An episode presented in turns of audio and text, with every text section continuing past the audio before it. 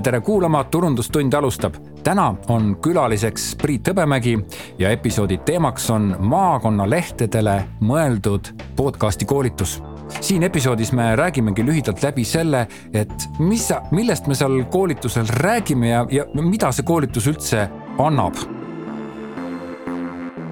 tere tulemast, Priit Hõbemägi. tere, tere. aga äkki sa räägid endast natukene, et, et kuidas see podcast sinuni on jõudnud ja kuidas sa sellega nagu oled tegelenud? Nojah, et äh, ma olen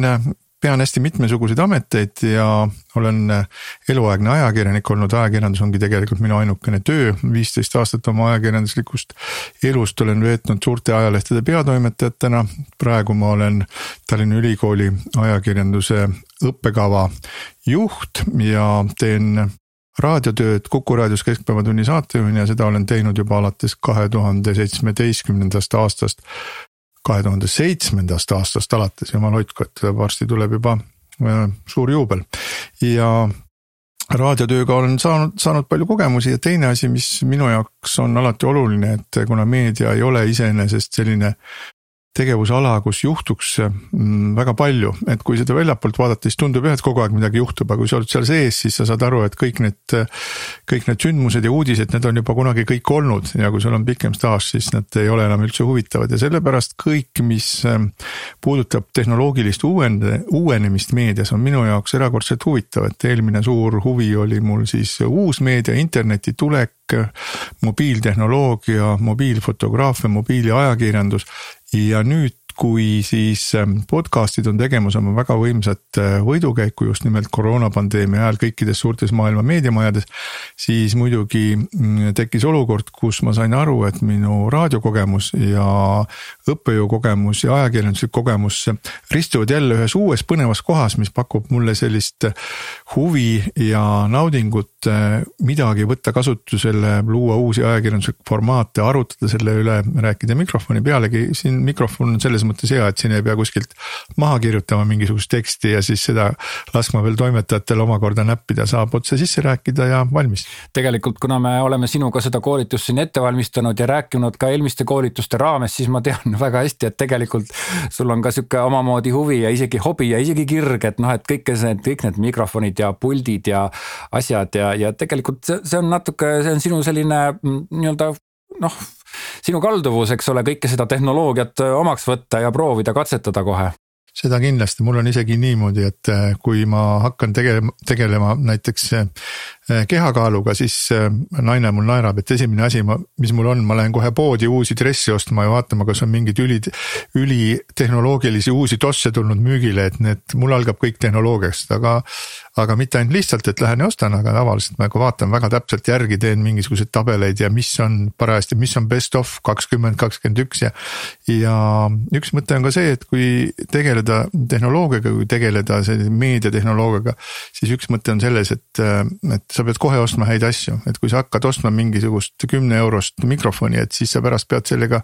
lutsu viskama, sellega lihtsalt ei ole mitte midagi peale hakata, aga kui sa kohe alguses saad aru, mis on õige et ähm, siis need asjad võivad, teenivad sind kümme aastat väga õige, sellest me koolitusel tegelikult räägime pikemalt, aga enne kui me läheme edasi, ma ütlen enda kohta paar sõna ka, et, et äkki keegi juhtub kuulama ja siis, et kes see nüüd Uku Nurk selline on, siis kui mm, Priit tuleb siis ajakirjanduse vallast ja on rohkem nagu ajakirjandus,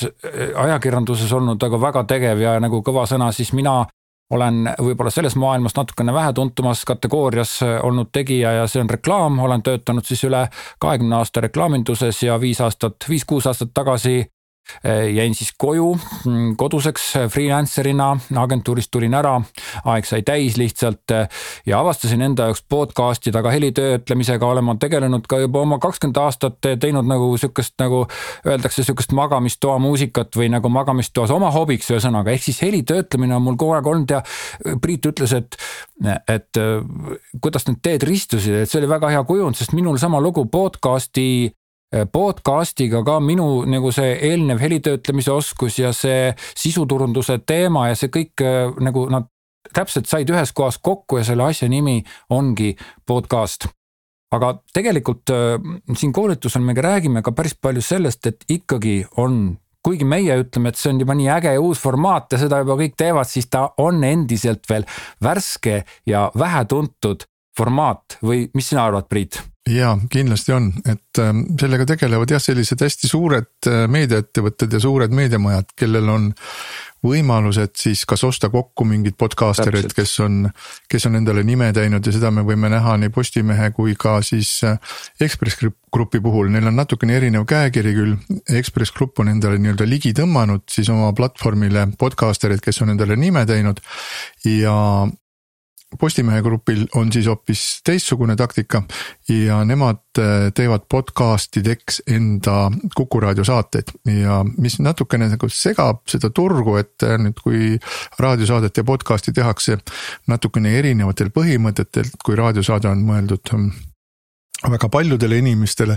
nagu haavlipüssiga lindude laskmine, siis mm, mm, podcast on jälle selline snaiper või vibu. et kui sa mööda lased, siis sa lased mööda, aga kui sa õigesti sihid, siis sa tabad südamesse. ja midagi pole parata, et see on kogu maailmas, see ongi niimoodi. Ja nüüd eh, suurtest linnadest võiks see podcast imine, kui hästi oma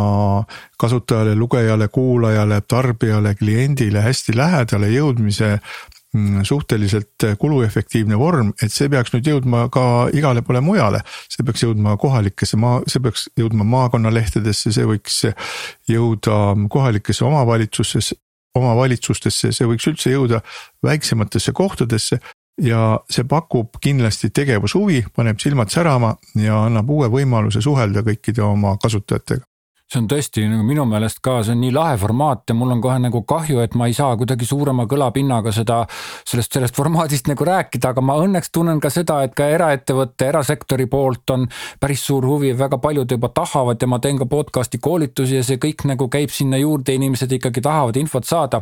aga tegelikult ma näen ka seda, et üks osa on selles, et podcast on võib-olla tegijate jaoks ka mõnede tegijate jaoks veel vähetuntud aga ka kuulajate jaoks vähetuntud. et tegelikult me siin koolitusel ka natuke räägime sellest, et kuidas siis nagu kuulajaid saada, et ühe, ühelt poolt on jube tore teha podcast'i, aga mis sest tolku on, kui keegi ei kuula. ja siin tuleb appi siis see, mis sa ütlesid, see haavlipüss ja vintpüss või, või mis see, mis see vahe oli? igal juhul jah, snaiperpüss, vint eh, tähendab sihtgrupi paikapanek ja, ja sellest saab kõik alguse just nimelt ja eriti just ähm, äh, planeerimine on kõige olulisem, ma arvan, podcast'i puhul. et äh, sa väga täpselt kujutad endale ette, kellega sa tahad rääkida ja veelgi täpsemalt kujutad ette, et mida sa tahad rääkida nendega. sest noh, kui te kujutate ette endale seda, et äh, inimene hakkab teie podcast'i kuulama, paneb endale kõrvaklapid pähe ja selle tulemuseks on siis see, et te olete oma häälega tal nagu pea sees ja räägite temaga väga intiimselt ja see tähendab seda, et te peate olema valmis intiimseks kontaktiks ja mm, selle vastu, selle vastu ja. ja selleks aitab kõige paremini hea planeerimine, et üks ähm, soovitus, mida siis äh, kindlasti võiks jälgida, on see, et ähm, teha endale kümnesõnaline selle podcast'i idee kirjeldus, kus on täpselt siis kirjas, milleks see asi on tehtud, kus on äh, see lühikeste sõnadega välja öeldud ja seda saab ka siis ka proovida inimeste peal, et üks hea näide, mida tuuakse, et see peab sel-, see peab täielikult selgitama selle podcast'i olemust. et äh, selline näide, mida tuuakse, on see, et on üks, olemas üks film, mille pealkiri on The snakes on the plane. kõik on öeldud, me saame kohe aru, võime filmi vaadata, võime ka mitte vaadata, aga me saime kõigest aru ja siis selle podcast'i nii-öelda kirjeldus peaks olema sama täpne ma täitsa kohe kuulan sind ja mõtlen ja tegelikult me ühe koolituse sellise juba tegime ja kui sa rääkisid seda Snakes on the plane case'i, siis ma juba ise mõtlesin, et pagan, et ma peaksin vist endale ka tegema siukse enda, mul on nagu mitu podcast'i, aga see on rohkem nagu, nagu minu enda hobi ja mis, mis ma enda asjadest räägin, aga et ma peaksin endale sellesama kümnesõnalise äh, tutvustuse ära tegema lihtsalt proovi pärast, aga tegelikult podcast'i formaat ei ole ainult äh, nagu talking heads või siis nagu lihtsalt, et mingi mees kusagil räägib või siis kaks inimest räägib või kolm inimest räägib. et see formaat on tegelikult jube suurte võimalustega ja mina isiklikult arvan, et neid võimalusi kõiki ei olegi veel võib-olla avastatud. või kuidas sulle tundub? jaa, mulle tundub ka ja see on ju selline formaat, mis on väga demokraatlik selles mõttes, et see sisenemislävi sellesse formaati on ju hästi, hästi inimlik, et hankida mõned äh, tehnikavidinad, ma ei tea, Photopointist näiteks, eks ole. ei ole mingisugune probleem ja võid seda kohe tegema hakata ja suur osa nendest tehnoloogiast on tehnoloogilistest platvormidest laseb ennast tasuta kasutada ja see, et podcast'e podcast'ide võidukäik aina kestab, seda näitab ka see, et noh, siin paar päeva tagasi oli jälle üks ajalehe uudis, mis ütles seda, et äh, mingi suur haigla on hakanud podcast'i tegema ja terviseamet on hakanud podcast'i tegema, et see on üks uus viis, kuidas inimesteni jõuda ja kui inimesed võtavad selle omaks ja nad harjuvad üha rohkem siis äh, endale neid tellima. no üks oluline asi on see, et meil on ju peaaegu kõigil on, tekib selline olukord, et me teeme midagi ja siis me tahaksime, et see ei oleks selline nüri automaatne tegevus, noh paneme pesu pesumasinasse või peseme nõusid või. koristame või kärutame midagi aias käruga, et äh, tahame, et see mööduks mõttekamalt ja siis pistame kõrvaklapid kõrva. ja just nimelt see harjumus, et me teame, kuskohast saab nii-öelda mõttekat ähm, ajaviidet, et seda saab sellest podcast'i äpist, mis on telefonis, mis meil nagunii seal taskus on, seepärast et keegi võib helistada, me ei jäta telefoni kuskile maha. et see on nüüd see harjumus, mis äh, inimestel minu, minu uskumust mööda vähehaaval tekib täpselt ja siin üks moment tuleb veel sisse et miks me üldse nagu räägime maakonnalehtede mm, podcast idest, et siin on hästi suur osa lokaalsusel ja perso-, personaalsusel, lokaalsusel, kaks võõrsõna, lokaalsusel, ühesõnaga kohalik, sa saad nagu rääkida kohalikke jutte hästi nagu personaalselt, sest võib-olla isiklikult jah, et, et võib-olla, et siis ajalehes ikkagi noh, peab paberi pealtrükki musta, sa pead ikkagi mingil määral hoidma sellist. ma ei tea, konsensust, kuidas seda nimetatakse, ametlikku tooni, aga podcast siis võib-olla mitte, et see nüüd nagu täiesti jutuajamine on, aga ta ikkagi lubab minna kõrvale ja just nimelt otsides neid formaate et maakonnalehtedele oleks minu meelest või ma ütlen teistmoodi, maakonnalehtedele ongi podcast minu meelest jube kihvt äh, lahendus, et kuidas oma neid, äh, kuidas jõuda võimalikult paljude inimesteni, kes on huvitatud täpselt sinu jutust, kuna seal on isiklikkus ja kohalik päritolu. kahtlemata, et see on,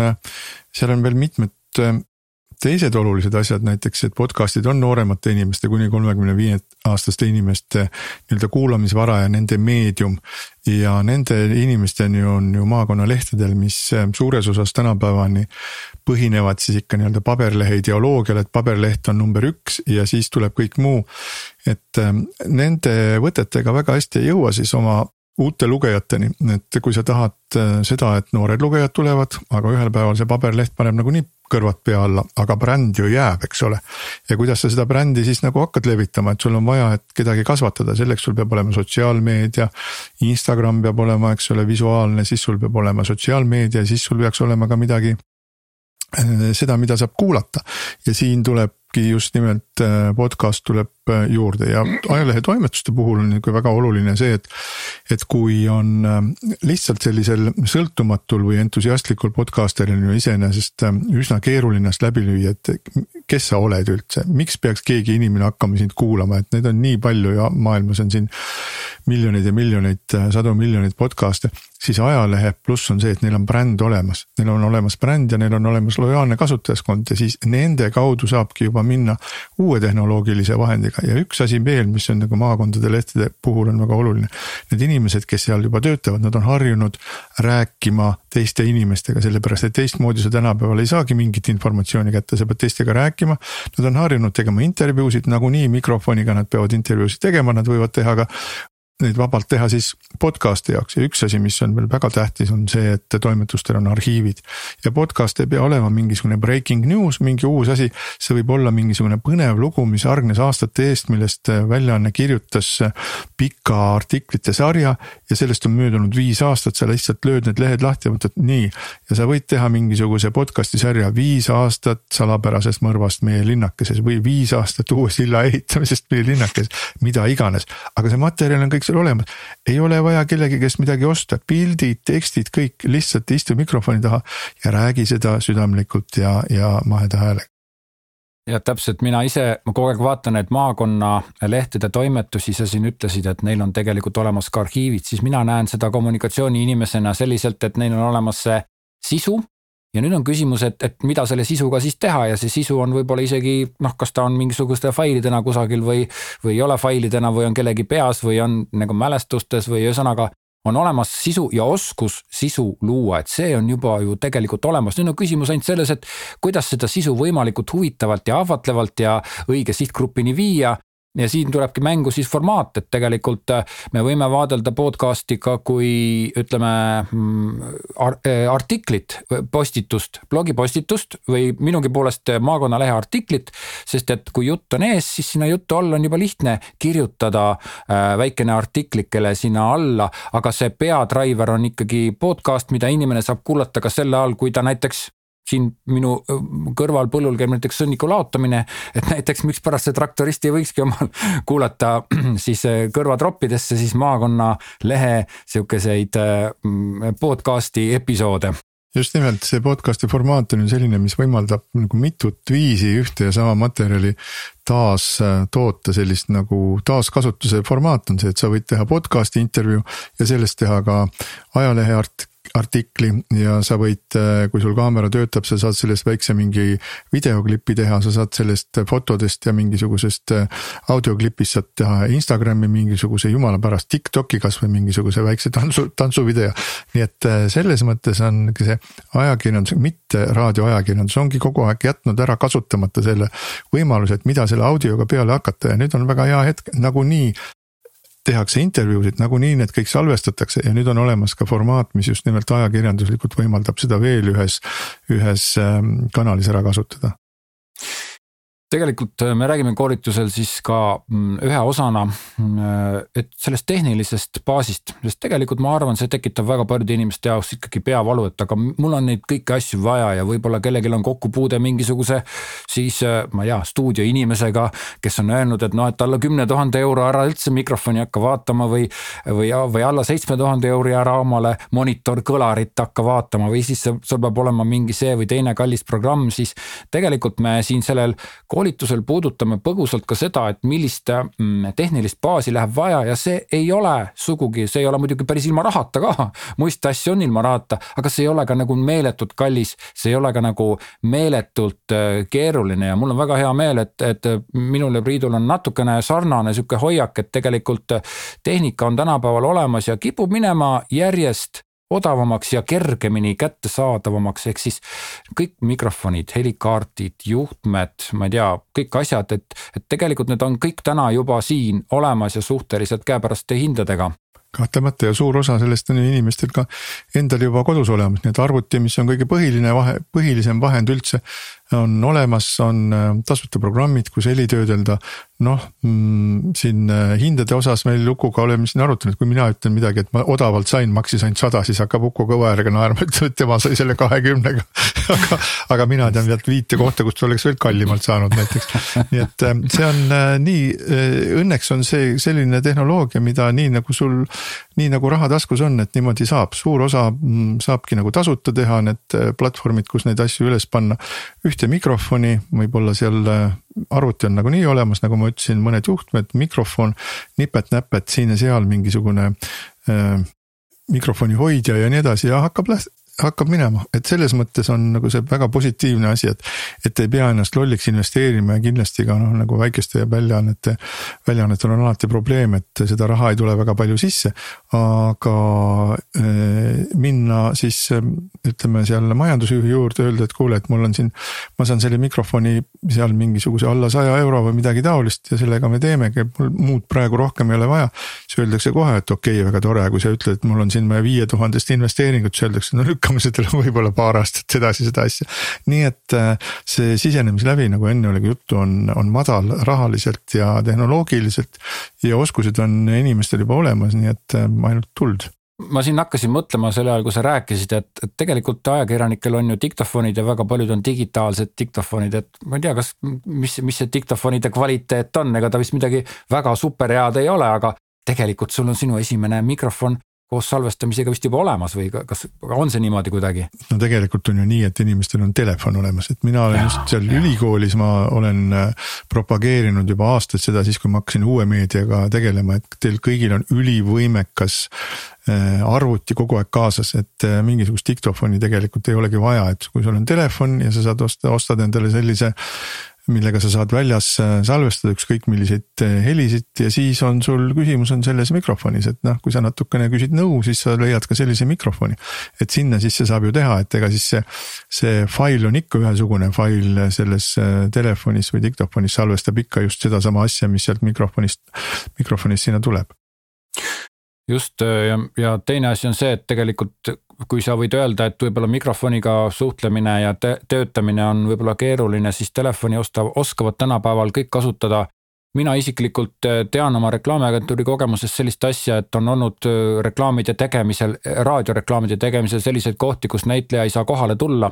ta on näiteks Saaremaal, aga Tallinnas tehakse seda, siis ta on lugenud oma muidugi see nõuab natuke oskuste harjutamist, aga ta on lugenud oma reklaamid sisse telefoni sisse, saatnud faili mm, siis stuudiosse ja see reklaam on tehtud valmis ja pärast ei saa inimesed aru, et noh, et ega siis häälel ei ole ju, et noh, et aa, see on saja eurone ja see on tuhande eurone, et see e, oskuslikul tegutsemisel, harjutamisel on tegelikult väga suured tulemused ja saab nagu väga erinevaid variante kasutada.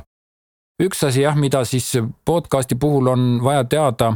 on, on see, et, et noh, et aga kus me selle teema, kus me selle faili siis paneme ja mismoodi ja kuidas käib kõik see distributsioon ja kuidas käib kogu see nagu jagamine, siis ma siinkohal ütlen kindlasti äh, niimoodi, ma ei tea, kuidas on lohutuseks või, või ütlen nagu rahustuseks seda, et tegelikult podcast'id on loodud tänapäevas, tänapäevastele mõistetele väga mm, kuidagi hoopis vastukäivalt. nimelt podcast'i loomuses on see, et seda jagatakse ilma rahata. enamus podcast'e, mis maailmas on, on muideks ka helifailidena alla tõmmatavad ja seda kohe ametlikult soovitakse, et, et kui me vaatame raadiot, siis see võib-olla niimoodi ei ole, kuidas sa sealt raadiost ikka selle klipi kätte saad. ajaleheartiklid, no kipuvad ka väga paljud juba olema siukse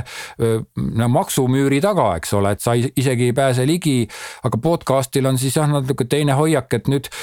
ma tean seda, et Apple mõni päev tagasi vist jah, avalikustas oma sellise plaani, ma ei tea, kas see on neil valmis või ei ole et Apple Podcast siis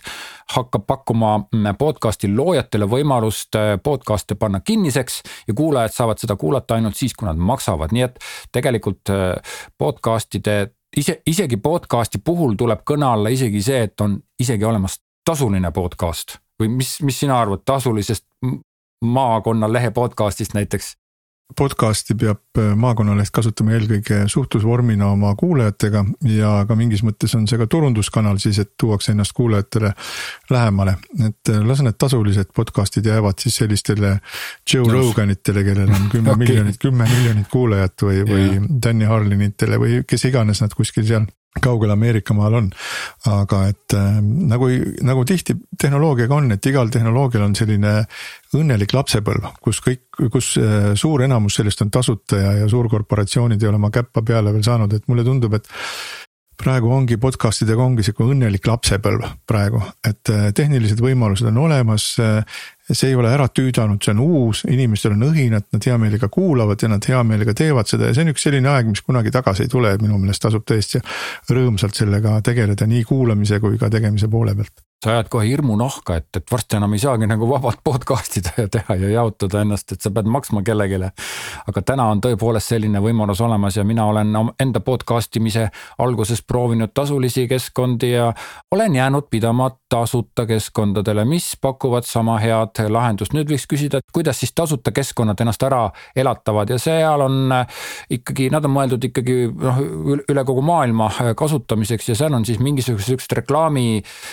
paigutamise formaadid, mida sa võid kasutada, kui sa tahad, aga mida sa ei pea kasutama. ehk siis see on siis see, kust kohast siis tasuta podcast'i hosting ud näiteks saavad oma raha ja, ja kuna tegemist on maailmaga ja Eesti on niivõrd imeväike koht selles maailmas, siis meie saame täiesti vabalt kasutada mm, tasuta üsna mitut podcast'i distributsiooniplatvormi ja sellest me ka räägime, toome nimed, aadressid juurde kõik, et, et kuidas seda siis nagu peaks, kuidas siis saab oma podcast'i levitada. üks äh, teema, mida me siin ka käsitleme hästi põgusalt, on siis selle podcast'i heli töötlemine. ja Priit äh, ajakirjanikuna ütleb selle kohta toimetamine, ma alguses ei saanud aru, mis, mis sa seal, mis sa toimetad seal, aga see, see tähendab siis seda, et Priidu keeles, et see on siis see, et. et sa lõikad sealt nagu need sõnad või need kohad või alguse ja lõpu välja, eks ole nii see on, aga tegelikult lapsed kasutavad hoopis teistsugust sõna, nemad kasutavad edit imine. edimine ja no vot, võib-olla siis ongi üks, üks hea nipp kohe anda meil nagu maakonnalehtede te tegijatele, et, et kasuta tänapäevast vahendit, kui sa tahad rääkida noortega. aga jah, üks asi, mida ma olen podcast imise puhul tähele pannud, on see, et ma ei, mulle ei meeldi see kaughääling või noh, ma ei, ma ei tea, võib-olla või taskuhääling, ma, ma ei tea, kuidas see sulle tundub, see sõna minu meelest on see nõme. minu meelest ka. see on selline mm, tüüpiline, tüüpiline väljamõeldud eesti sõna, mis, mis on tulnud kellegi peast, aga tegelikult sõnad ei tule kellegi peast, sõnad tulevad keelest enesest, et siis, kui rahvas nimetab midagi ise, siis need sõnad hakkavad elama, aga nii kui nad tulevad mingisugusest, ma ei tea, kas presidendi kantseleist või mingisugusest sõnausest, siis nad on mingisugused. ma ei tea, mingid peletised, et taskuhääling ei ole kindlasti hea sõna jah, ja ma olengi tundnud seda, kuidas üsna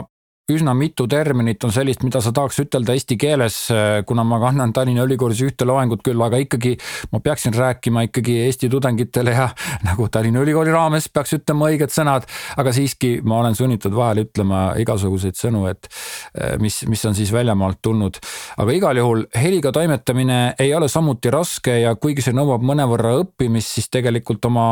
salvestatud episoodi puhtaks lõikamine, nii palju kui seda üldse vaja peaks minema. et see on tegelikult täiesti käepärane ja täiesti toimetatav, selle jaoks ei pea olema mingi stuudioinsener või mingi helimees, kes on eluaeg seda teinud, vaid seda saab täiesti nagu igapäevase töö arvutitöö kõrvalt täiesti vabalt teha umbes samamoodi nagu Wordiga kirjutamine, et, et seal nagu midagi keerulisemat ei ole. kas sina, Priit, kas sina nagu töötled oma helisid, mida sa salvestad või intervjuusid või, või kuidas sa seda kõike kasutad? mina teen seda suhteliselt minimaalselt, et äh, ma, ma olen püüdnud mulle meeldib selline variant, kus on võimalikult hea mikrofon, kus tuleb naturaalne heli, kus on väga vähe töödeldud ja kus siis selles helifailis mingisuguseid erilisi imesid sellega ei tehta. et sa natukene võid seal seda normaliseerida, et seal ei ole mingisuguseid väga tugevaid ja väga vaikseid kohti. see on väga lihtne protsess, mida teha ja otsa natukene trimmida seal ja võib-olla panna, panna mingisugust muusikat alla. aga sellist nagu lõputut lõikamist, nii et põrandal oleks, kuidas nüüd öelda, kir-, mm, väljendus, et selline nagu lindikuhi oleks, oleks põrandal, nii nagu kunagine kuulus raadioreporter Felix Leet oli teinud, et ta ju rääkis niivõrd halvasti. et seda linti ei saanud kellelegi siis ju seda raadios näidata ja kui ta oli oma tulnud siis Eesti Raadiosse monteerima oma linti siis ta ajas kõik inimesed toast välja, sellepärast et ta ei tahtnud näha, kui jube see kõik oli ja siis pärast, aga siis äh, raadiotöötajad olid sellised tüübid, et nad korjasid, ta viskas jupid prügikasti. ja ei võtnud endaga kaasa ja raadiotöötajad korjasid need jupid kokku ja panid sellest kokku ühe väga lõbusa sellise nii-öelda Felix Leedis saatevigade ja sõnalapsuste lindi, mis tõenäoliselt on kuskil ähm, internetis ka olemas, pärast äh, Felix Leet oli sellest nipist aru saanud, et tema jupid korjatakse ära ja siis ta hakkas neid kilekotiga minema viima lihtsalt. aga selline pisikene väike ähm, toimetamine, jah, ma eile uurisin veel materjali sellele, leidsin ühe jube hea triki, et kuidas, kui sa teed näiteks podcast'i ja sul tuleb selline sõna Äh, sõnakomistus või mingi keelekomistus ja sa tahad siis, kuna sa pead pärast seda äh, faili vaadates, helifaili vaadates pead selle koha üles leidma, et kuidas teha siis nii, et ähm, sa leiaksid kohe üles ja selle nipi nimi oli kolme kliki meetod. kas sina, Uku, oskad öelda, mis on kolme kliki meetod? Niimoodi küll praegult ei oska. täiesti uskumatu on see, sa ühesõnaga räägid, räägid, räägid ja korraga läheb puntrasse ja siis sa teed nii ja need kolm äh, keelelaksu tekitavad selget kriip, püstjad kriipsud sinna helifaili peale. ja siis, äh, kui läheb jälle segamini, jälle teed.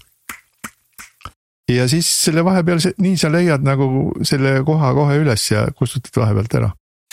Neid väikseid nõuandeid on tegelikult väga palju ja, ja mul on hea meel teha seda koolitust nimelt Priit sinuga, sellepärast et sinu kogemused ajakirjaniku ja ajakirjanikuna ja raadioajakirjanikuna on nagu päris suured, et mina ise tegin ühe aasta Äripäevas saadet ja alguses mu käest küsiti, noh, kas tahad teha otse või teed siis ikka linti või noh, nagu salvestad? Ja ma ikka ütlesin, ei, mis otse ma ei julge teha. Ja tegelikult, kui ma seda asja nagu hiljem vaatasin, tehes seda saadet, siis, siis ma vaatasin sedasi, et, et tegelikult ega suurt vahet ei ole, sa ei lõika sealt välja nii palju asju ja tegelikult see vibe, mis tekib sellele otse tegemisel, sellel on ka omamoodi vibe, omamoodi tunne, et ma ei tea, kuidas need keskpäevatunnid valmivad, mida sa teed seal, kas sa teed otse või? Ei, need on ainult otse, et kogu selle mingi kõikide nende üle kümne aasta jooksul, mis ma olen neid teinud, on vist vaid üks või kaks korda tehtud äh, salvestatud, kuna keegi pidi ära sõitma kuskile ja need on olnud ka väga viletsad, et mulle see ei meeldi, nimelt asi on selles, et et kui inimesed hakkavad salvestama mingit asja, siis nad muutuvad kuidagi nii oma väljenduse poolest sellised lais-, laisaks, et kui nad teavad, et nad saavad midagi tagasi võtta ja muuta, siis nad ei pinguta. aga kui inimene pannakse mikrofoni ette, siis on see selline asi, et inimene peab ennast kokku võtma ja seal kümned tuhanded kuulavad tõenäoliselt teda. Ja ja see otsesalvestus on äh, alati selline noh, nagu see on nagu kontserdihetk. Et need, kes ise pilli mängivad, need teavad, et kui sa lähed kuskile mingisuguse rahvasumma ette ja sul on pill käes ja nad on tulnud sind kuulama, siis äh, sa ei saa äh, endale lubada mingisugust äh, jokutamist või jobutamist, vaid sa pead nagu tege-, andma endast parima. Ja see tekitab ka selliseid uusi hetki, mis on põnevad, uusi hetki, mis on täiesti ootamatud ja sa pead hästi kiiresti leidma sealt mingisuguse väljapääsu ja, ja noh, muusikud ütlevad seda, et Ehm, do it twice, make it nice, et kui sa oled teinud mingisuguse vea, siis tee veel üks tee seda veel üks kord, et siis, siis sa nagu kasuta seda enda huvides ära ja samamoodi ka näiteks kui noh, ma ei tea, otsesaates korraks läheb mingisugune nimi või, või mõte äh, meelest, mõte katkeb või nimi läheb meelest ära ja siis tekib paus, mis kannab üle. ehk tekib selline, et inimesed hakkavad vaatama, et mis, mis nüüd on sündinud, siis ka seda asja on võimalik väga hästi pöörata enda kasuks, et eh, keegi ootab midagi ootamatult, et seda auku seal täita või siis ütled, noh kuidas teile nüüd tundus, et noh, et see ongi selline tunne, kui ajakirjanik istub ruumis ja peaministril pole talle midagi öelda, no mida iganes, et tuleb olla leidlik ja kiire ja see ongi lahe. jah. Äh,, aga räägime nüüd sellest, et kui juhuslikult peaks mõni maakonnalehe mm, toimetusest keegi inimene kuulama ja leidma, et see on tegelikult täpselt see, mida teile toimetusse vaja läheb, kuidas seda koolitust siis maakonnalehe toimetusse saab, kuidas meid saab koolitama just maakonnalehe koolitus siis äh, podcast'ide alal, kuidas podcast'i teha ja kuidas sellega nooremaid inimesi oma kasutajate hulka meelitada saab, äh, seda koolitust saab nii, et tuleb ühendust võtta Eesti Meediaettevõtete Liiduga, see on selline liit, mille, mille liikmed kõik maakonnalehed on ja saata neile meil ja öelda, et hea meelega võtaks sellest koolitusest osa ja siis olemegi nagu naksti. ühel heal päeval oleme siis äh, Ukuga kohal ja räägime teile kõik, mis me teame ja ma arvan, et äh, siis me, siis sel hetkel me teame juba palju rohkem kui me praegu teame, sellepärast et see on uus, põnev, äh, arenev ala, see on, seda on tore teha õhinaga ja, ja mina olen täielikus vaimustuses praegu sellest. jah, mina ka, see on väga huvitav ala, aga ongi aeg tõmmata episood kokku, sellepärast et ma arvan, et me rääkisime täpselt selle olulise teema ära. Äh, nendele turundustunni kuulajatele, kes võib-olla mõtlevad nüüd, et aga miks see mind puudutab, siis äh, ma ütlen lohutuseks nii palju, et mina ise korraldan samamoodi podcast'i koolitusi nii eraettevõtetele kui ka riigi riigiasutustele. ja need koolitused on üleval siis online.opime.ee, et see koolitus, millest me siin Priiduga rääkisime, oli äh, mõeldud puhtalt siis maakonnalehtede toimetusele ja minu meelest see on ka kogu Eesti meedia mõttes minu meelest üks väga ilus ja väga lahe tegu ja ma tunnen siin nii palju sihukest vaibu, vaibi, et üks koolitus meil selline oli ja seal ka tõesti mm, lahe oli tunda, mismoodi inimesed tulid kaasa ja kuidas see asi nagu läks käima, aga Priit Hõbemägi, aitäh sulle, et sa tulid siia minu turundustunni podcast'i. tänan sind kutsumast, oli rõõm, oli rõõm. ja teiega, head maakonnalehtede toimetuse inimesed, me loodetavasti kohtume õige pea. olge terved ja olge tublid ja olge hoitud